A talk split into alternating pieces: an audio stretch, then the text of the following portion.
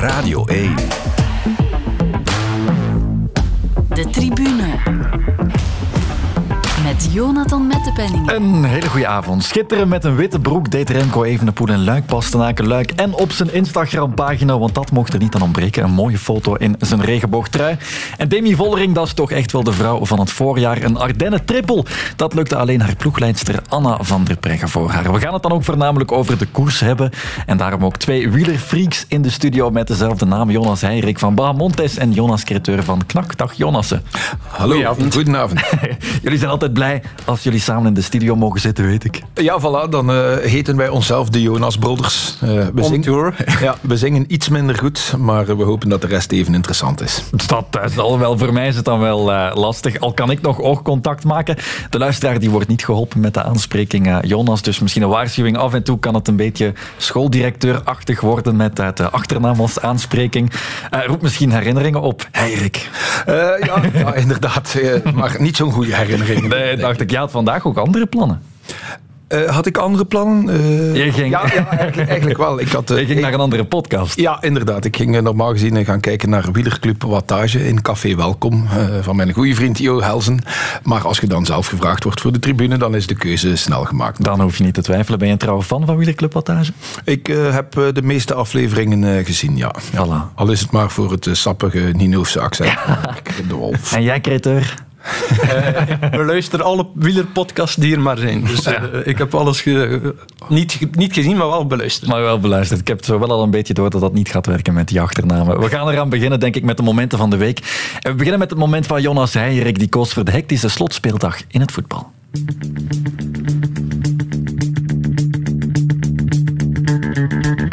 Precair als nu was de situatie nog nooit voor Zulte Waregem. Er moet gewonnen worden van Cercle Brugge. Blijven of zakken na 18 jaar, dat staat er op het spel in de Elindus Arena. We kunnen er kort over zijn. Niemand gelooft toch dat A-agent hier thuis geen afstand kan nemen van KV Oostende. Ja, 1-0 voor Anderlecht dat uitstekend aan de match is begonnen. Dus Anderlecht doet wat het uh, moet doen. Mario Stroeikens en ik hoor dat we naar de Gaverbeek moeten, Bert. Ja, en die wordt stil, want Hugo Sique heeft de stand op 0-1 gebracht voor Cercle Brugge. Een catastrofe voor Zulte Waregem. Wat een drama. Dat is een nieuwe aanval van Club Brugge. En een prima redding, niet genoeg. Hans van Aken maakt er 3-0 van. Dus Club Brugge, zal ik maar zeggen, heeft hier gewonnen spel. Zal deze wedstrijd normaal gezien probleemloos winnen. Want na 35 minuten heeft het al drie doelpunten gemaakt. We gaan van hier naar de Gelamco Arena bij Tom Boudewijn. 30 uitzinnige fans. Wie heeft er gescoord? KV Oostende heeft gescoord. Fraser Hornby. IJzig stil is het in de Gelamco Arena. Zulte Waregem weer helemaal in de wedstrijd. Eén doelpunt heeft SCV nu nodig om in de hoogste voetbalklasse te blijven. Een zege volstaat, want Eupen gaat het niet meer klaarmaken. Daar is een toer opnieuw. Geeft mee aan Fadera. Fadera 3-2. 3-2 Fadera. En ze stormen allemaal elkaars armen. Wat is dit voor een spookwedstrijd? Van 0-2 naar 3-2. Fadera en een Doer maken het waar. Met hun snelheid op de flanken. En plots is het 3-2, maar buitenspel. Oh, is het buitenspel? Het wordt buitenspel. Inderdaad, buitenspel. 2-2 blijft het een Zultewaardig Cercle Brugge. Dringend naar Tom Bouwerweel in Gent nu. Gelijkmaker van Hugo Kuiper. En dan heeft A-agent nog 13 minuten om dat ene belangrijke doelpunt te maken. Bert, heb jij nog iets te vertellen, man? 2-3, Cerkelenbrugge weer op voorsprong. Somers heeft gescoord en ze weten het nu ook bij Zulte Waregem.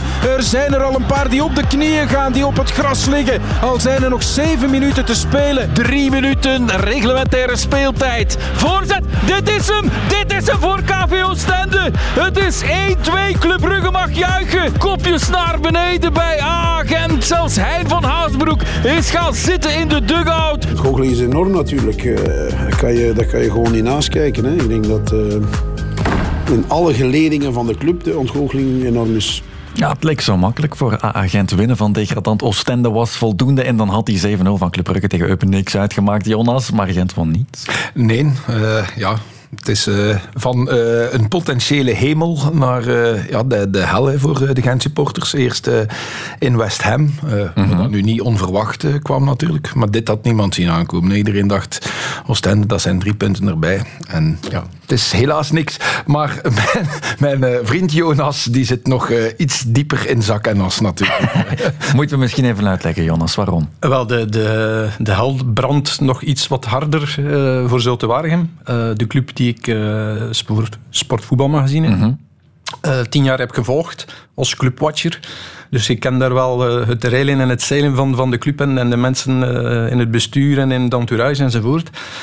En ja, dan, dan leef je daar toch wel voor een stuk ook wel nog mee. mee. Ehm, zeker, ja, niet alleen ik, ook mijn familie, eh, Aha, vrienden. eh, ja, de hele streek bijna. 12.000 man, uitverkocht huis voor het eerst sinds 2016. En ja, dan, dan meteen die, die mokerslag 0-2. Om dan in de tweede helft eh, 2-2 en, en dan... Ja, Er was hoop, hè? en er was ja, dan meer dan hoop bij die 3-2. We hebben het fragment gehoord. Eh, het stadion heeft dan werkelijk, is dan werkelijk ontploft.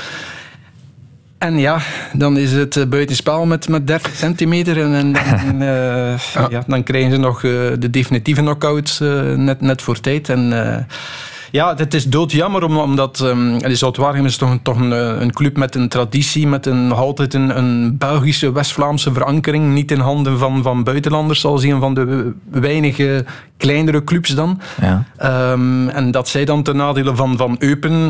Ik heb niets tegen Eupen, maar ja, we kennen het verhaal. eh, eigendom van de Qatarezen, dacht ik. Ehm, en dat zij dan moeten degraderen eh, met zo'n achterban, met, eh, met die infrastructuur, eh, met, met ja, toch een. een eh, ja, een paar mooie namen in de spelerskern die ehm, ook vrij emotioneel waren. Ik heb eh, Jelle Vossen zien wenen. Ik heb eh, Ruud Vormer met de tranen in de ogen zien staan. Toch twee mannen die heel wat watertjes hebben doorzwommen. En als zij dan zeggen van, zeker Vossen, dit was de, de grootste ontgoocheling uit, uit, uit mijn carrière. Ehm, ja, dat, dan betekent dat toch wel veel over ja, hoe heel de, de, de kern, de, de hele club naar, er echt in had geloofd dat, dat, dat ze het nog konden waarmaken. Zeker na, nadat ze Eupen eh, vorige week met, ehm, met 1-5 hadden verslagen. Ja. Maar ja, het mocht niet zijn. Nee, En wat ik er zo mooi aan vond aan die laatste speeldag, we hebben daarnet eh, de compilatie gehoord. Ik heb eh, ook een groot deel van de avond op de radio gehoord. Ja, dat was als vanuit van het ene stadion naar het andere en dan daar een goal en hier een goal. En dat was het mooie nu aan die competitieformat. Ik ben ook geen grote voorstander van die play-offs en toestanden. Maar nu, tot op de laatste speeldag, had bijna elke ploeg nog te winnen en te verliezen. Er stond nog heel veel op het spel. Dus dat maakte het ook zo mooi, want ik denk, anders ja, had eh Cercle Brugge eh, al zeker geweest van play-off 2 of er helemaal niks meer, eh, dan zou Cercle waarschijnlijk wel gezegd hebben van we gaan het gaspedaal niet te hard induwen en zorgen dat de buren uit Zulte nog in eerste blijven, zodat we die eh verplaatsing naar Eupen niet meer hoeven Ja. te maken natuurlijk. Ja. Het was een mooie slotspeeldag met slecht nieuws voor jullie dus als Gentman en Zulte Waregem-man. Zulte Waregem dus gedegradeerd naar tweede klasse, wat sommige mensen de vergeetput van het Belgische voetbal noemen. Eh, ik belde gisteren na afloop van de wedstrijd ook met Frankie Dury, hier op de Radio Club. Icoon natuurlijk, en hij geeft de hoop wel niet op.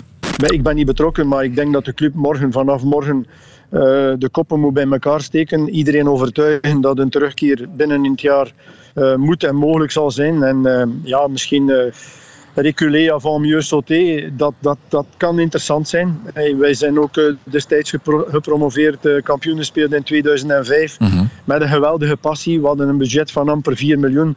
We hebben, eh, we hebben zesde gespeeld, we hebben de beker gewonnen en het jaar nadien speelden we Europees. En we speelden de 16e finale op Newcastle. Dus het is mogelijk. Een, een stap achteruit zetten om er twee vooruit te zetten kan, eh, kan misschien heel veel betekenen naar de toekomst toe. Ja, binnen een jaar terug naar eerste klasse kan het, Jonas. Ik denk het wel. Ehm, ik hoor toch dat de, de hoofdaandeelhouder Tony Beussaert eh, zijn engagement ook voor 1B heeft aangegaan. Dus eh, ze zullen niet zomaar de, de, de club verkopen. Ehm, ze hebben toch ehm, allee, heel goede jeugdwerking. Ze hebben de supporters, hebben de infrastructuur. Financieel is het natuurlijk een, eh, ja, nog een andere zaak. Eh, vorig jaar 8 miljoen euro verlies gemaakt. Dat zal dit jaar wel wat, wat minder zijn, maar... Ehm, ja, nu terugzakken naar tweede klasse, dat betekent ook minder inkomsten enzovoort. Maar ik denk wel, eh, ook omdat ik dacht volgend jaar eh, er opnieuw twee, minstens twee stijgers zullen zijn vanuit 1B naar... ehm, naar de Jupiler Pro League. Ehm, dus dat denk ik wel dat dat Zulte Waregem de, ehm, ook de kern heeft. Want er zijn nog wel wat spelers die eh, nog een contract hebben voor volgend jaar. Eh, de vraag is, zullen Ja, bijvoorbeeld dat wordt nog de vraag, ja. Vossen of, of een vormer blijven? Dat is dan weer iets anders. Eh, ik denk dat ook dat het superbelangrijk gaat zijn als ze meteen die een stap terug maken. Hè, want dat schijnt het grote probleem te zijn. hè. Ja, eenmaal- keer, voilà, dat het daar twee jaar in zit, dan heb je financieel echt problemen. En dan wordt het moeilijker om die een stap te maken. Dus het zal inderdaad belangrijk zijn volgend jaar Voilà. meteen de sprong. Beerschot bijvoorbeeld lukt het nu niet. Ehm, dat voor Waregem. Jonas, Henrik, voor Gent niet zo fataal. Er, is, er zijn nog die Europlayoffs. Er bestaat nog een kans. Ja, er bestaat nog een kans. En uiteindelijk, allee, de eh, eh, fanatieke Gent-supporters gaan het mij waarschijnlijk niet graag horen zeggen. Maar ik denk wel dat ze geëindigd zijn op de plaats waar ze eigenlijk ho- horen te staan. Ehm, ik vond vierdes, dat zou ja, net die plaats te hoog geweest zijn. Club Brugge heeft een paar weken, maanden geprutst. En daardoor is Gent vierdes kunnen zijn. Ehm, maar ik denk uiteindelijk een, eh, een faire prestatie. En als je niet kunt winnen van een gedegradeerd Oostende, dan verdiende die play-off 1 niet. Voilà. En we zijn benieuwd of ze dan toch nog eh, een, Europa of een eh, Europees ticket kunnen grijpen. We gaan naar jouw moment, Jonas Kreteur. He's got his eyes here on the course record. He doesn't want to run any faster than he has to.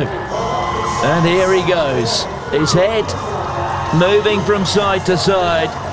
He knows that course record is on. Let's see the big clock. And he's done it. 201.26. What a remarkable run. I think does that put him second on the Well, I think it will do, won't it? Because, of think? course, um, Elliot Kipchoge, 201.09, when he set that world record in Berlin just uh, a matter of months ago, last September. We often talk about who will be the one in charge when Kipchoge finally retires, and maybe we've seen the answer today. Ja, Jonas Jacobs voor de marathon van Londen, waar de Keniaan Kelvin Kiptoum op 18 seconden van het wereldrecord eh, strandde. En de beelden op het einde waren ook frappant. Eh, ja, dat was een, een van de meest memorabele edities van de Marathon van Londen. Zelfs niet alleen van de Marathon van Londen, maar van alle major marathons. Ik las toch verschillende atletiek-kenners en volgers die spraken van...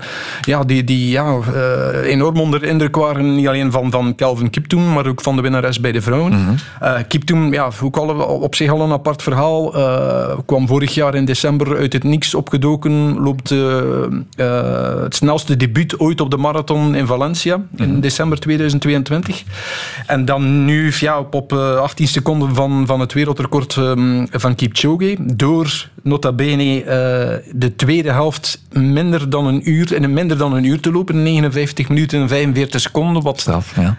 enorm straf is. Eh, al, er is sowieso al een negatieve split, zoals Bashir Abdi ook in, Marat, in Rotterdam heeft gedaan. Maar Kiptoum doet het onder het uur, ook wat alleen ehm eh, Kipchoge heeft, heeft gerealiseerd.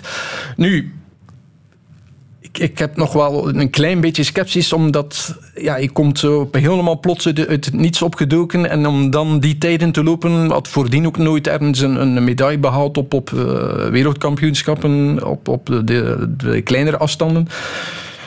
Dus allee, het zal nog moeten blijken eh, of dit, deze tijd stand houdt. Eh, is hij zuiver op de graad, dan, dan is het wellicht een kwestie van tijd eh, dat hij het wereldrecord van Kipchoge zal, zal verbeteren. Ehm, nu, dat was dan de mannenversie. De vrouwenversiewedstrijd was, was misschien nog spectaculairder met dan Sifan Hassan. ja marathondebuut. Marathondebuut. eh even schetsen naar verleden. eh hout op de 5 kilometer, hout op de 10 kilometer in Tokio. Brons ook op de 1500 meter, want dat was ook al een ongeëvenaarde triple. Eh, zet dan de stap naar de marathon. Ja, was daar zeer onzeker over. Was, was bijna doodsbang toen, toen ze eh, s s'morgens opstond. eh, blijkbaar tegen haar trainer ja, geweend. En what am I doing? En, en ik kan dit niet aan. Eh, dan toch van start gegaan. Ehm, met ook ja, een, een verre van ideale voorbereiding. Eh ze had de marathon, ma- Ramadan liever, eh, liever gevolgd. Ehm, dus als je moet een maand lang voorbereiden en je, je mag overdag niet eten of drinken, dat is verre van ideaal. Ze had dan tien dagen voor de marathon ook een heupblessure opgelopen, die dan tijdens de marathon is opgespeeld. Eh, rond kilometer 19 heeft ze twee keer moeten stoppen om, om, om te stretchen. Eh, waardoor dat ze na, ja, na 25 kilometer iets van 28 seconden achterstand had.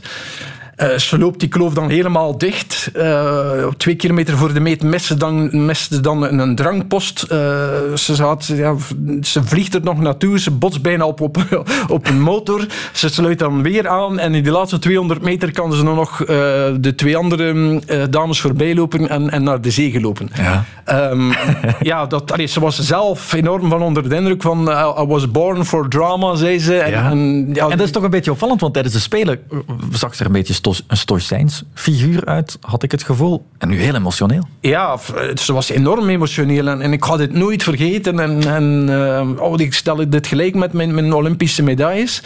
Ehm, maar het is, allee, het is sowieso een feit dat ze, ondanks alles en alle perikelen en tegenslagen in die marathon, als ze dit kan. Ja, en, en nou, wat ze ook al gepresteerd heeft op, op, eh, op, ja, op 5 en 10 kilometer, ook wereldkampioen geworden op de 1500 meter. Dus dat is een spreidstand van, van 1500 meter naar marathon. Zelfs op de 800 meter heeft ze een toptijd van 1,56. Ja, dan moet je bijna zeggen dat, dat ze de meest veelzijdige atlete is in, in, in de atletiekgeschiedenis. Misschien wel. En ja. als ze ooit stopt, misschien zal ze nog eh, x marathons winnen. Ze wil ook, ook eh, komende zomer naar het WK atletiek eh, gewoon weer de 10 kilometer lopen en zo. Dat ze ja, haar carrière zal afsluiten als de allergrootste. Als we niet opletten, gaan ze nog beginnen fietsen ook. Remco even een eraf op La Redoute. ja, voilà, zoiets, ja. Strafiguur, die Nederlandse Sifan Hassan. Radio 1. De tribune. En dan kunnen we naar de herhaling van het jaar. I'm coming home, I'm coming back. Daar gaat hij, hij. Gaat aanzetten. Remco Evenepoel met de versnellingen. Pitcock die probeert te volgen. Dan Ciccone en eh, dan eh, Romain Bardet. La foule se déchaîne. Hein. Et Remco Evenepoel qui prend 1 mètre, 2 mètres, 3 mètres. Pitcock ne peut pas y aller.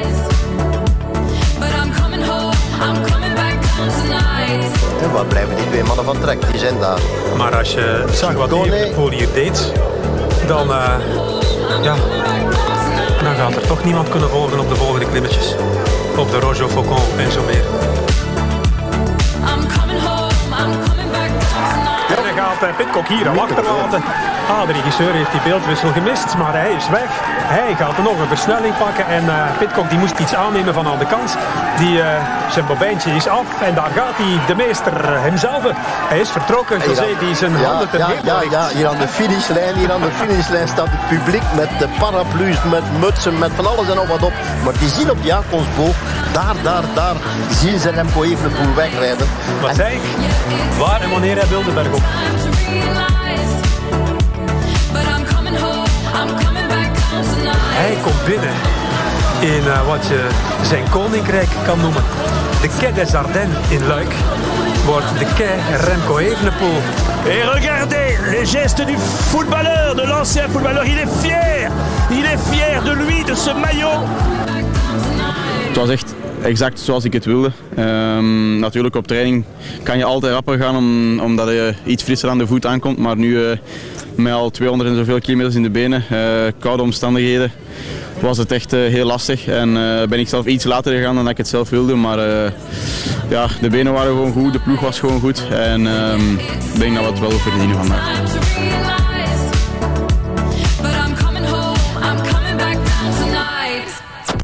Ja, Luik Bastenaken Luik bij de mannen was opnieuw een prooi voor Remco Evenepoel. Die wint op quasi exact dezelfde wijze als vorig jaar. Ook al was dat hij Pogacar dan vroeg in de wedstrijd al uitgeschakeld. Desondanks vasthouden aan een plan, dat werkt. Jonas Eirik. Absoluut, ja. Eh, hij had eh, in zijn hoofd gestoken waar hij ging aanvallen. Natuurlijk, we kunnen er niet, niet, niet naast kijken. Hè. Wat als, wat als dat hij er wel eh, was bij geweest. Het is jammer, het is doodzonde. Eh, binnen tien jaar gaat niemand niet meer weten dat Pogacar er waarschijnlijk niet bij was. Alleen als Remco deze Luik Bastenaken Luik zou gewonnen hebben na een beklijvend duel met Pogacar, zou iedereen zich dat wel herinnerd hebben. Hè. Ik weet nog, eh, Bartoli versus Van den Broeke op La Redoute. Ja, dat weet ik nog. En dat is ondertussen eh, meer dan, eh, het is 25 jaar geleden, denk ik. Dus ik denk zelf ook dat Remco dat ergens wel jammer vindt. Dat hij daar de kans mist om, om echt wielergeschiedenis te schrijven. Denk ik. Eh, wielrenners eh, leven, of wielerfans leven van duels. En, en dit was, het, dat, had het duel moeten worden. Eh, ja, eh, het, is- het is jammer dat we het niet weten. Eh, het is ook weinig zin om daarover te gaan speculeren. Van, Nee, niet ja, als, weten. als, eh, als Pogacar nog had meegereden, dan had Remco hem losgereden. Dat weten we niet. Eh, ik vind het wat populistisch om daar wat eh, ja, te zeggen van oh, hij heeft dan maar sowieso losgereden. Nee, nee, nee. Dat kunnen dat kunnen niet weten. Dat weten we niet en dat was misschien ook inderdaad niet het geval geweest. En het doet ook niks af aan de overwinning, denk ik. Ehm, en ook niet aan het berenwerk van Soudal Quickstep zelf, van Ilan van Wilder bijvoorbeeld. Want veel hingen er ook niet meer aan op het moment dat Evenepoel er vandoor ging. Eh, het was voorbeeldig teamwork. Ehm, ondanks, want ja, er wel, waren wel, blijkbaar wel wat problemen. Mauro Smit die ziek was. eh, Andrea Bajoli die met Flandal en Brenen rondreed. Dus ze hebben die tactiek wel moeten aanpassen. Eh, maar dat heeft blijkbaar Pieter Serie een enorm werk gedaan. Louis Vervaak heeft bijna Louis 30, was ongelooflijk. 30 kilometer op kop gereden. Was dan gelost, heeft dan voorgedoet, is dan nog een keer teruggekeerd. Ook bij Alaphilippe zag je dat, hè? Even gelost zijn, terugkeren en dan toch nog opnieuw. Ey, dan, dan, dan weten, ze hadden alles over voor hun kop. Ja, want allee, je kan veel zeggen van Alaphilippe en, en de kritiek van Lefevre dat hij niet wint en niet presteert. Maar eh, ook vorig jaar in de Vuelta, nu opnieuw, eh, heeft, heeft Alaphilippe altijd wel zijn goede wil getoond. En nu gisteren ook eh, echt allee, zich volledig opgeofferd. Heel vroeg in de wedstrijd ook al. Ja, ook omdat hij... Dat hij moest. Dat, hij moest ook omdat hij niet beter kon. Dus Ja, allee, voilà. het was ook het plan dat dat Van Wilder dan de lead-out bijna zou doen op de, op de Dat heeft hij ook voorbeeldig gedaan. Ehm, want, Ja, en dat hij vooral er nader dan nog aanhangt. ja, vind maar ik. hij nog 22ste. Voilà. En hij rijdt wel mee met die, met die man over de Roche au Faucon en dergelijke. Als je dat berenwerk gedaan hebt, je zou er veel hebben die eh, zich opzij zetten en die denken, en nu rij ik rustig naar Luik. Nee, nee. eh, Want allee, die anderen wisten ook, onze aankomst ligt bovenop de Opela Redoute. Eh, het is nog ja, goed 30 kilometer. Ja, 33. dat is natuurlijk wel een voordeel als, als je weet van alles tot daar. Eh, maar allee, ze hebben het wel voorbeeldig gedaan. Zeker ook omdat die twee anderen ja, toch minder waren. Dus, ehm, en, en, want ja, op een bepaald moment, Tratnik is toch geen gewone smurf. Eh, Mhm. Kan je niet, als, als die was weggereden met misschien nog twee andere... Ja, maar ja, maar het feit dat hij daar alleen zat, denk ik wel. En Ja, dan dan ook, ik had niet verwacht van... Die gaat dat nu eh, volhouden tot in Luik. Eh, het is geen, geen Pitcock, geen Pogacar. Dus, en ja, allez, ik, ik vond het meest indrukwekkend de manier waarop dat hij dan Pitcock er eigenlijk gewoon afrijdt. Niet, niet versnellen, niet uit zadel komen. Dat is gewoon, ja, de, ze hebben het gisteren gezegd, hè, de wurgslangtechniek. Zo, zodanig dat tempo hoog houden, dat ja, daar, ze er onherroepelijk uit moeten. Hè. Mhm. Die afwerking van Evenepoel was inderdaad subliem. Dat zijn we van hem gewoon geworden. En dan is er toch die laatste strohalm voor Soudal Quickstep dat zijn voorjaar toch nog wat kan eh, oppoetsen. Patrick Lefevre wist dat hij eraan kwam.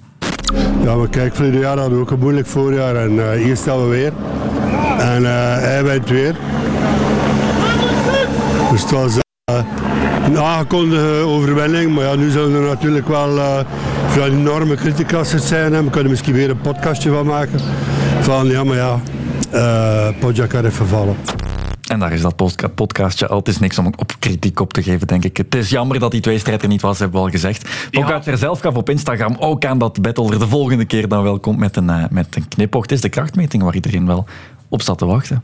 Ja, en waar dat iedereen nu de komende keer eh, op gaat zitten wachten. Ja, het, zal, het zal weer even nog duren natuurlijk. Eh, Remco rijdt een Giro. eh Pogacar, ja, hoop, hopelijk de Tour. Ehm, dus ja, wanneer gaat het zijn? 2K? Maar dat is net eh, misschien een van de minpunten, als we dat nog kunnen aanhalen over het voorbije voorjaar. Dat we in feite, we het grote duel Evenepoel-Pogacar gemist. Ja. Eh, het duel van Aert van der Poel had nog mooier kunnen zijn in Roubaix zonder de, de lekke band van Van Aert. Ehm, en ook de andere duels eh, allee, waren heel mooi, waren ook wel beperkt. Eh, van Aert, Pogacar, Van der Poel hebben drie keer tegen elkaar gereden. Eh Minas Sanremo drie Ron van Vlaanderen. Pogacar, Roglic niet tegen elkaar. Pogacar tegen Vingegaard alleen in Paris-Nice. Pogacar tegen Remco, Evenepoel, nu alleen een luik, maar is er niet van gekomen. Eh Roglic dan alleen tegen, tegen Evenepoel in de Ronde van Catalonië. Dus we hebben wel zo die grote zes, maar zo heel veel hebben ze niet tegen elkaar gereden. En zelfs de enige koers die ze dit jaar tegen elkaar zullen rijden, zal het wereldkampioenschap zijn. Ja. Dat wordt de enige koers waarin dat... Die moeten we nu al in, in het Ja, rood voilà. aancirkelen. Eh, ja, laten we hopen dat ze er dan alle zes staan. Alle zes in, in topvorm. Ja, want je weet ook nooit wat er in de Tour gebeurt en, enzovoort. Dus ehm, Ehm, maar ja, het, is, eh, het was jammer, maar dat nu, doet niet, eh, of geen afbreuk aan, aan, aan de, de zegen van, van Evenepoel. Hij kan maar doen wat hij heeft gedaan en, en dat is de rest eh, ja, bijna, bijna degraderen. Ja. Ik vond het jammer, die opmerking van Lefevre zo over dat podcastje. Eh, Mhm. Want allee, je kunt er niet naast kijken. Je kunt toch ook niet doen alsof dat Pogacar niet gevallen is. En dan denk ik, ja, Patrick, je hebt nu gewonnen. Wees blij, wees uitbundig. jammer, En die steek, allee, er, er- ik zie zelf niet naar waar dat in de steek moet, moet zijn. Je kunt alleen maar zeggen, Pogacar is gevallen en we weten niet wat het anders had geweest. Punt. Voilà. Maar de perceptie rond Soudal Quickstep, eh, die is wel een beetje gered op deze manier met Evenepoel. Want een voorjaar zonder klassieker winst, dat was wel catastrofaal geweest. Maar dat betekent niet dat ze alles wat er voorbije weken is fout gelopen, dat ze dat we zomaar kunnen wegvegen. Ehm, Oké, het, het feit is dat ze geen renner hebben van het kaliber van de grote drie of de grote vier, de grote zes. Ja, in principe hebben ze die wel. Alaphilippe Ja, normaal maar- gezien zijn voet kunnen zetten naast eh, Van Aert, Van der Poel in de Ronde van Vlaanderen als hij daar 100% voor gaat. Dat zou moeten, alleen was hij er niet. Ja, en heeft hij het, ja, het laatste jaar door omstandigheden dan ook niet, niet kunnen tonen. Ehm, maar anderzijds hebben ze ook niet in, in alle klassiekers eh, rond van Vlaanderen hebben ze goed gekoerst, eh, proactief eh, anticipeerd. Maar in andere wedstrijden waren ze heel tam.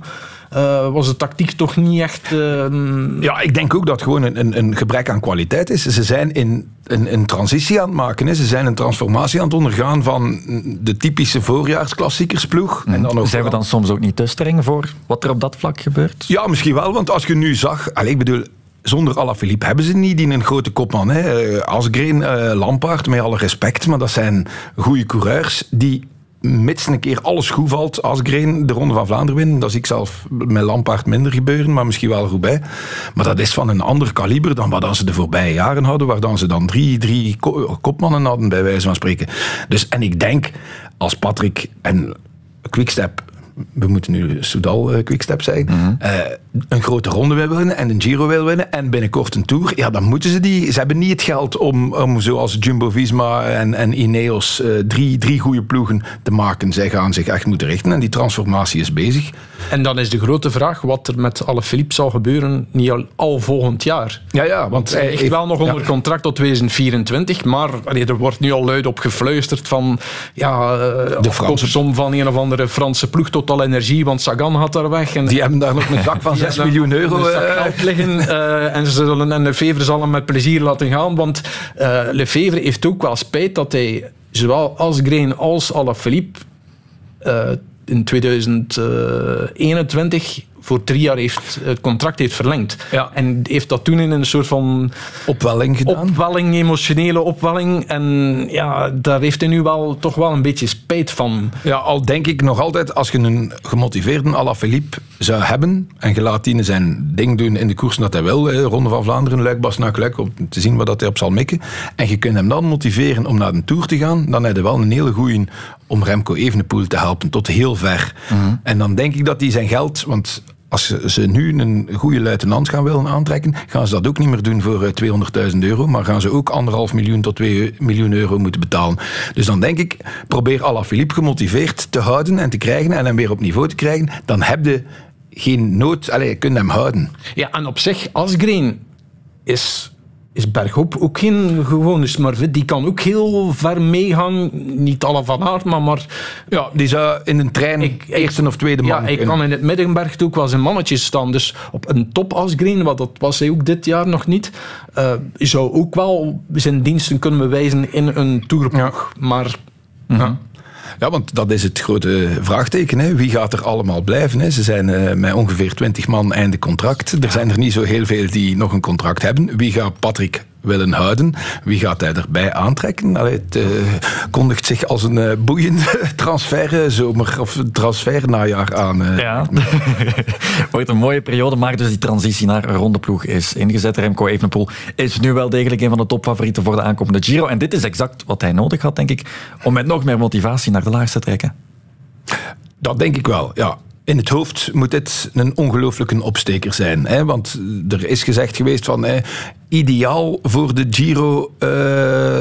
eh, is, is dit niet, is Luik, eh, maar hij wilde dit per se rijden. En als je dan nog kunt winnen, ja, en Roglic zal waarschijnlijk ook wel zitten kijken hebben, zal ook gezien hebben dat Remco amper eh, ademde en dat Remco een, een explosie van een demarrage heeft hij niet nodig gehad. Op, op lage Niet doet. zoals vorig jaar. Nu, vorig jaar was het wel iets vlakker, maar eh, Ja, maar op het moment dat hij daar de eerste keer gaat, dat is niet vol vol, had ik de indruk. Ik, ik had de indruk van, hij kan nog, nog sneller als het echt moet. Maar eh, ja, er, er was niemand niet meer die al bleef. En Pitcock bleef er dan zo'n beetje aan hangen. Dat was slim, laat hij maar terugkomen in de, in de afdaling.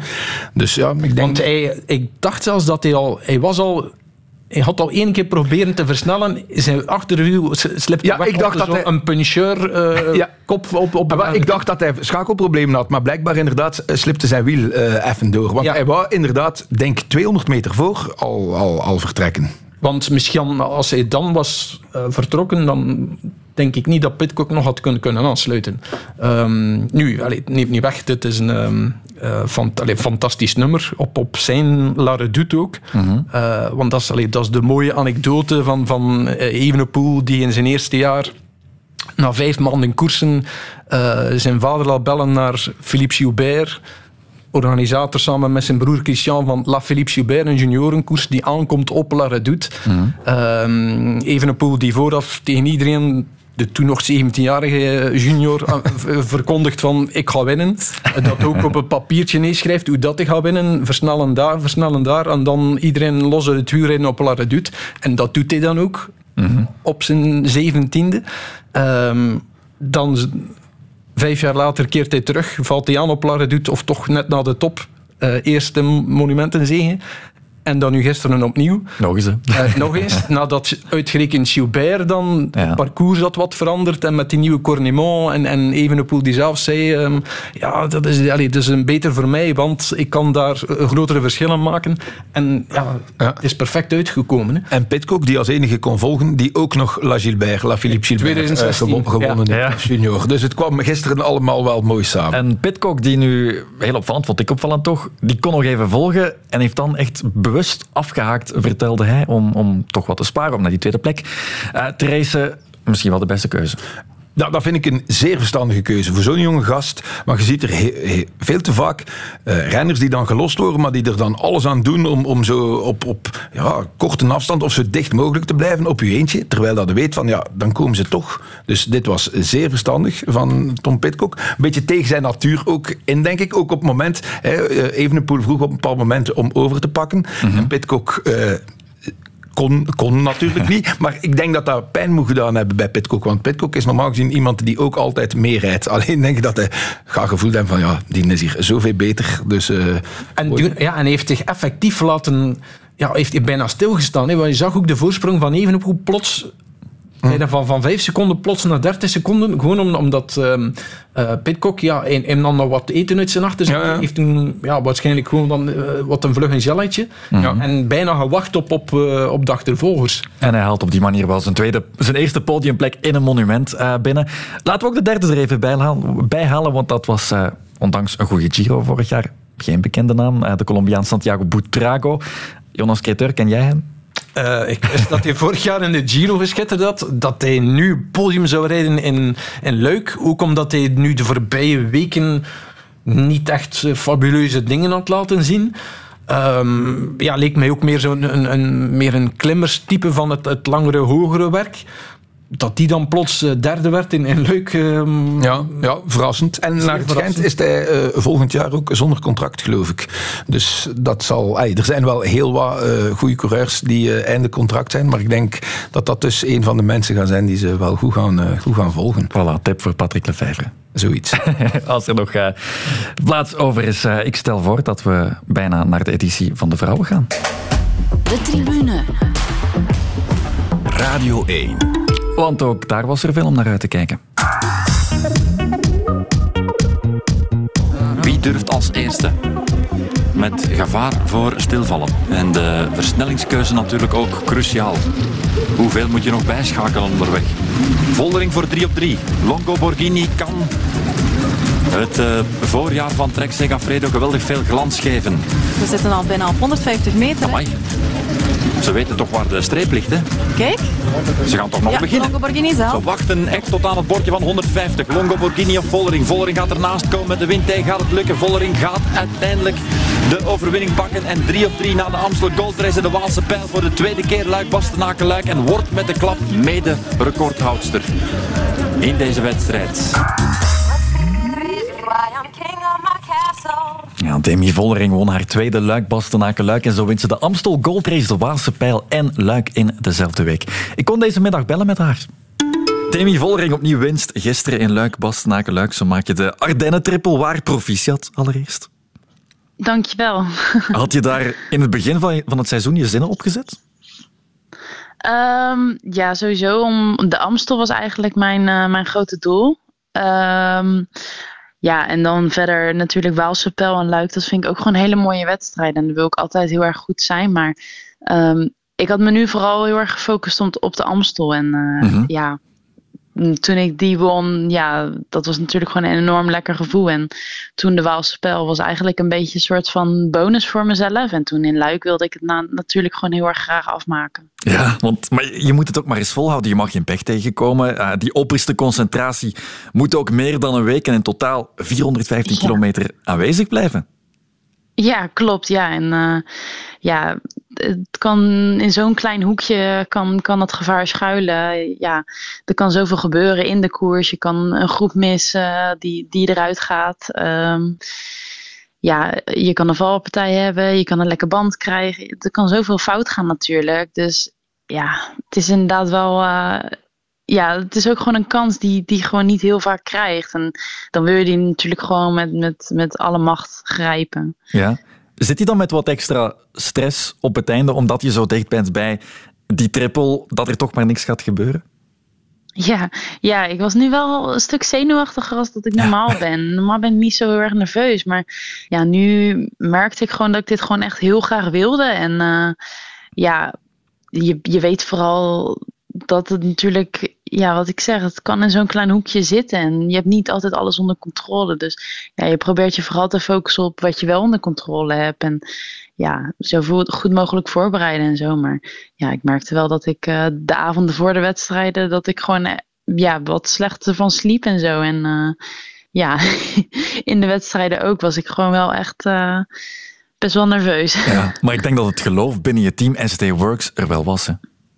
Ja, dat was gewoon heel fijn. En vooral ook omdat je dan zo, zo nerveus bent. En dan zorgt het ervoor dat je je soms niet helemaal heel goed voelt. Eh, ja, ben je soms wat in de wedstrijd of zo. En eh, ja, als ik dat dan tegen die meiden in de wedstrijd zei, zei dan, dan zeiden ze tegen mij van... Komt goed, Demi, je bent supergoed. En eh, ja, s- die zetten zo vol vertrouwen in mij. En dat, dat doet dan ook heel erg veel met je natuurlijk. En ja, ook hoe hard ze dan voor mij werkten in de, in de koers. Dan, eh, dan wil je het ook gewoon afmaken, ook, ook voor hen. Mhm. Ja, zeker. Je rijdt ook al een aantal jaar op een hoog niveau natuurlijk, als we het even over jezelf hebben.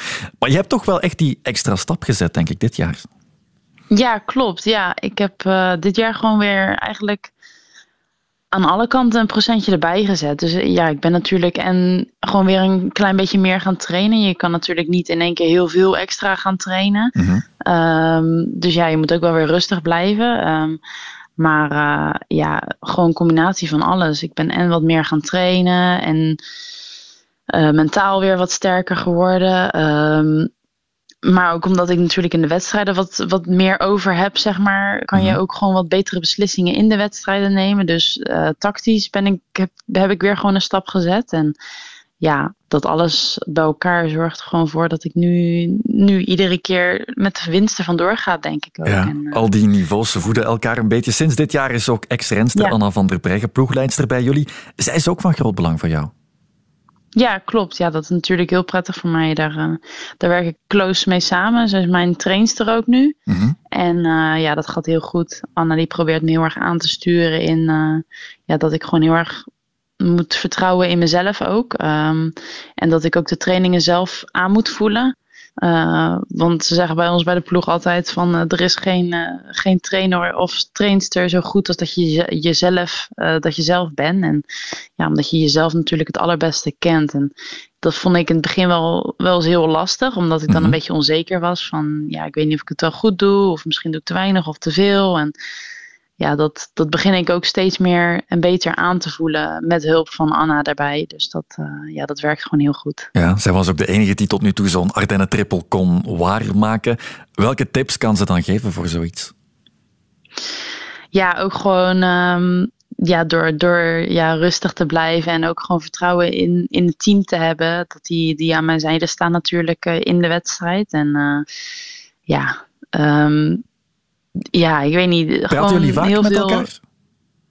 Eh, ja, rondom de wedstrijden, dan, dan is zij er natuurlijk ook. Dus dan, eh, dan spreek je elkaar wel geregeld. En ook op de fiets natuurlijk, als je rondjes gaat losfietsen, dan, dan fietsen we vaak ook gewoon nog eventjes mee. En ja, verder voor, voor de trainingen die ik uitvoer, dan, eh, dan, ja, dan, dan bellen we wel eens of stuur ik een appje van...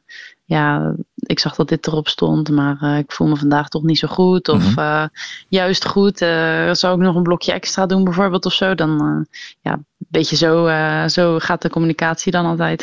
Ja, dat is mooi. Je bent nu de vrouw van het voorjaar, zeker na die triple, ook wat je daarvoor al hebt gedaan. Je ontpopt je misschien ook wel tot de allerbeste in het vrouwenpeloton. Dat kan zo snel gaan. Hoe kijk je daarnaar?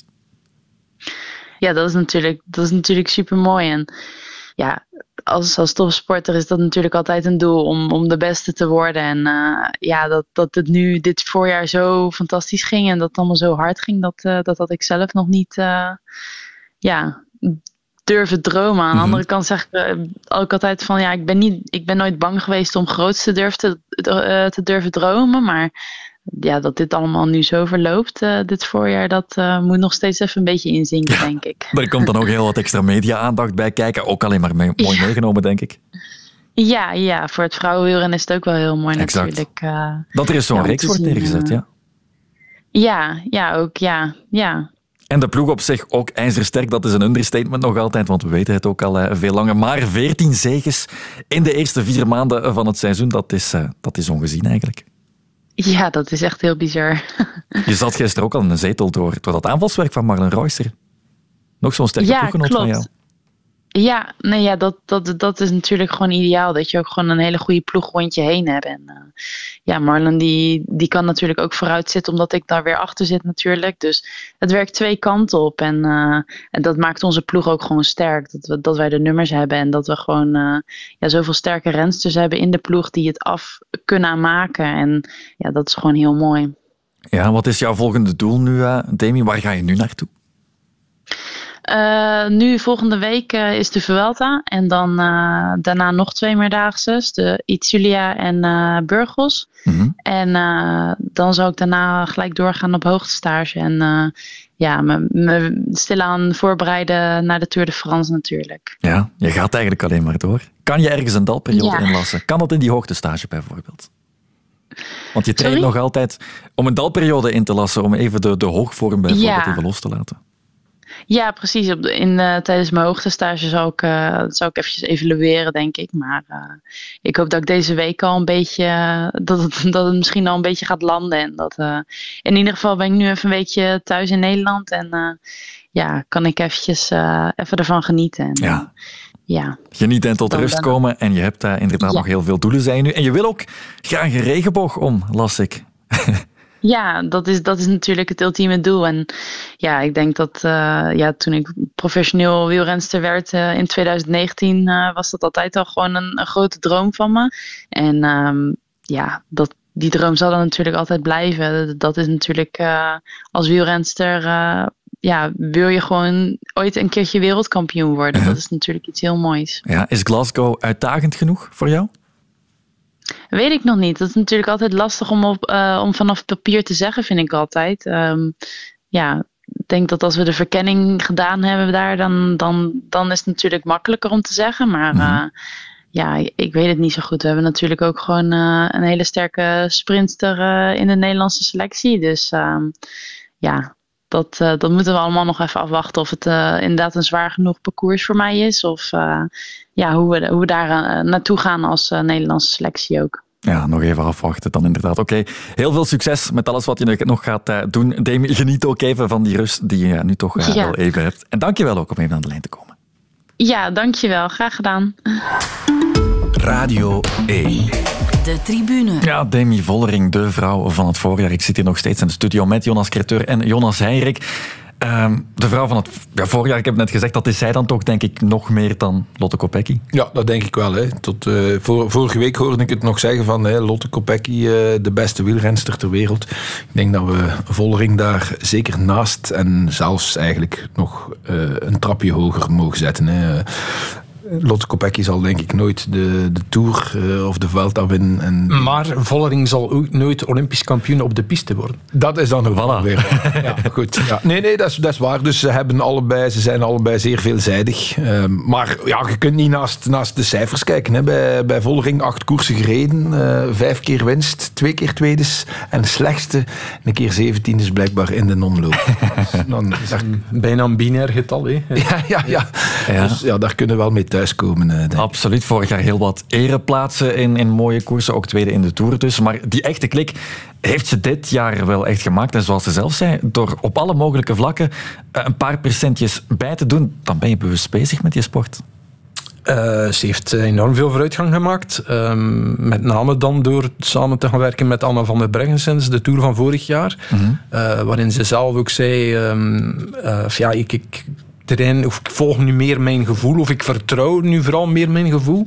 Eh, want dat is ook wel belangrijk. Terwijl dat ze vroeger soms eh, ja, alle trainingen te maniacaal ging afwerken. Terwijl dat ze nu echt gewoon naar haar lichaam vertrouwt. Voel ik me goed, dan doe, dan doe ik wat meer. Voel ik me slecht, dan doe ik wat minder. Eh, ze vertrouwt ook op haar kwaliteiten tijdens de koers. Maar je ziet ook, ook eh, ja, dat ze echt nu de juiste momenten uitkiest om te demareren op de, op de Kouwberg en de Amstel. Gisteren ook in, in, in Luik.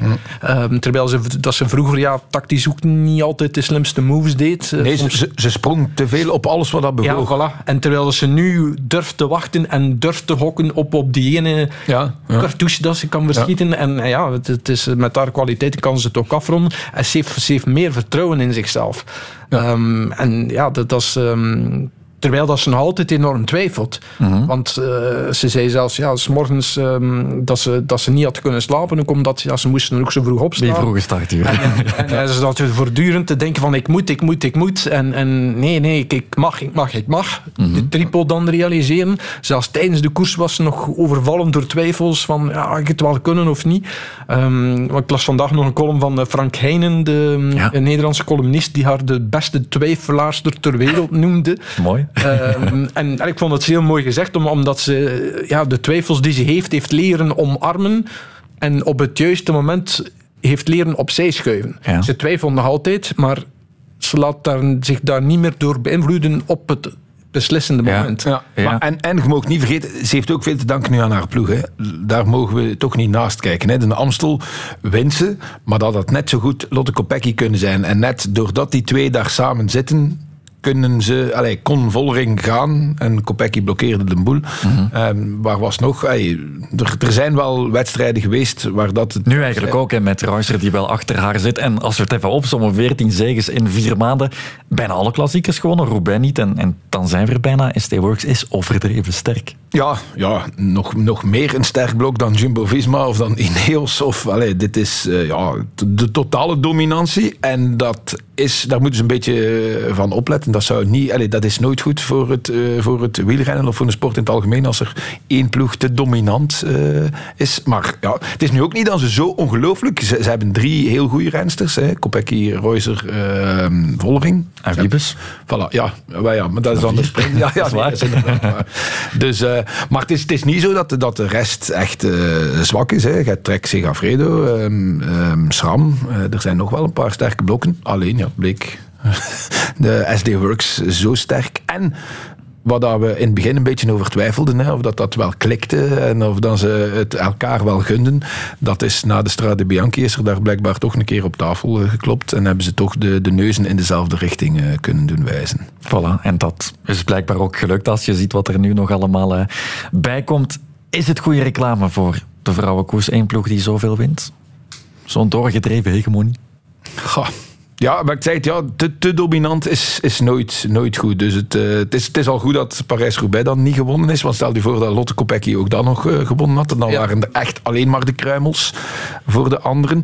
Er is ook, ja, er, er wordt minder gekoerst hè, bij de mannen. Oké, Quickstep, eh ay, Soudal Quickstep deed het niet zo goed in, op de kassei-klassiekers. Maar ondertussen wonnen ze wel in Frankrijk en in Spanje en, en dergelijke. Ja, die dingen hebben natuurlijk niet. in Het is ook ja, een klein beetje een samenloop van omstandigheden. Hè. Marta Cavalli, die dan sinds Ja, de de Tour schrik, van ja. vorig jaar ja, met mijn schrik zit en, en niet meer presteert. ehm. Je hebt dan eh, dingen... eh, allez, de winnares van eh, de eerste Roubaix die eh, bevallen eh, is. Ik ben nu de naam kwijt, potverdorie. Van Dijk. Nee, Ellen van Dijk is nu zwanger. Ja. Eh, ah. Lizzie Dane. Ja, Dijnen. Oké, ja, ja. Van, van Dijk die dan ook wegvalt. Vos die na operatie... dan- Ja, ja, ja, is ja, er helemaal niet is. Van Vleuten die, die eigenlijk... eh, ja, Nog niks gewonnen heeft dit jaar. Nee, Gewonnen. ja, en dan moet u je afvragen, is het het jaar te veel? Ehm, is, is, ze- is ze echt volledig aan het mikken op de Tour? Maar Annemiek, een beetje kennende, die wil alles winnen. Die komt niet naar Luik om, eh, om eh, tweede viool te spelen. Dus ja, het, ja het, het is allemaal een beetje... En het ja, is allemaal goed uitgedraaid voor, voor SD Works. Ja. Ja, en Van Vleuten die er zelf zegt van eigenlijk trap ik dezelfde waarden zoals vorige jaren, maar de anderen zijn beter geworden. Ja, en dat is iets... Ik heb vanmorgen Rianne Marcus eh, geïnterviewd, de Nederlandse kampioene, die gisteren vierde ze was. En die zei ook van, eh, de, de, de top is veel breder geworden en we zijn allemaal, we hebben allemaal stappen gezet. En dat is nu de laatste jaren echt, echt opvallend. En Annemiek is misschien, allez, het is nu een beetje overdreven gezegd, maar misschien eh, lange tijd eh, koning Enoch in het land der blinden geweest. Dat is nu heel overdreven wat ik wil zeggen, maar de rest, je ziet wel dat de rest stappen zet, ja, en dan is het logisch dat er, ja, eh, als je dan ook al 40 jaar bent. Ja. Dat Ja, en Voldering zei zelf dat, dat in feite Van Vleuten de rest van het peloton heeft uitgedacht om nog meer te gaan werken. Absoluut. Voldering nee, ze zegt zelf ook van ik heb nu veel, eigenlijk meer gewerkt, ook omdat ik die motivatie had om Van Vleuten in haar laatste jaar nog te kunnen kloppen, om aan te tonen van ja. ik kan daar ook nog kloppen. Ja. En dat is, eh, want ja, eh, Van Vleuten stopt.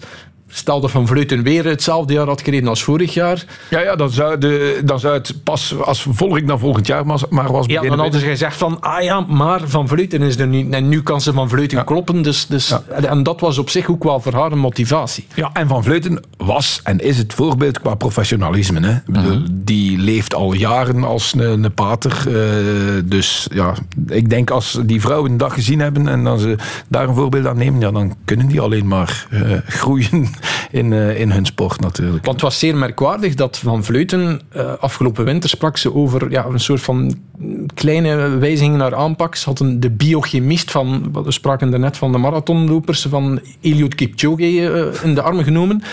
Wat dat ook mogen zijn, een biochemist. Ehm, maar met die man ging ze meer op explosiviteit trainen. Dat had ze misschien dan beter niet gedaan. dat, is, allee, dat is blijkbaar de, ja, dat is er niet uitgekomen. Ehm, Dat, dat vind ik dan heel raar. Als je alles wint en je moet dan op je 40 jaar en dan gaat er plots je aanpak veranderen. Dan denk ik, ja, dat is niet nodig. Je hebt Misschien met de realisatie dat de rest inderdaad beter wordt en dat ze... Ja, maar- ja, of misschien ja, is dat iets dat je nodig hebt na al die jaren om vernieuwing. Maar ik zou dan zeggen, als je al die jaren getoond hebt dat het met de huidige aanpak kunt, doe dat dan vooral Ja. zo verder. Ze blijft alleszins een veelvraat. Ze zal inderdaad haar zinnen gezet hebben op de Tour. Ze rijdt de drie grote rondes, dacht ik. Eh, ja, dus nu begin mei is het de Vuelta. De Vuelta, dan... En dan eh Giro Donne tijdens de Tour. En dan na de Tour dan de Tour de Femme. De Tour van, voilà. Dus wie weet zal er wel nog wat komen. We zijn stilaan bij het einde van de tribune. Zo snel gaat dat dan. Ik heb de slotvraag. Ehm, wat biedt de komende week voor jullie op sportief gebied? Oeh, ik ga, laten, eh, ik ga Jonas laten. Moet je even nadenken, is de agenda? Eh, nee, nee, nee. Eh, sowieso de Ronde van Romandie Uiteraard. voor de koers dan. Eh, nog het WK Snoeker met Brissel tegen eh, O'Sullivan. Absoluut. Eh, dus daar kijk ik wel naar uit. Eh, de NBA-playoffs zijn volop bezig. Ehm, dus dus eh, ik kan me wel bezighouden, dat is geen probleem. Ja, en ik hoop vooral eh, zelf af en toe een keer op de fiets te kunnen. Dat is altijd belangrijk. Ja. niet, niet in witte koersbroek, eh, nee. Je hebt een poll gehouden op uh, Bahamond. Ja, ja, ja. Snel Ik, vertellen. ja, ik, eh, ik dacht, ik, ik, ik vraag eh, wat vinden onze lezers ervan. Eh 30% vond het kan, 30%, allee, 33% vond alleen Remco mag het en eh 33% vond van nee, modepolitie. Voilà, dat is het einde van de tribune. Tot maandag.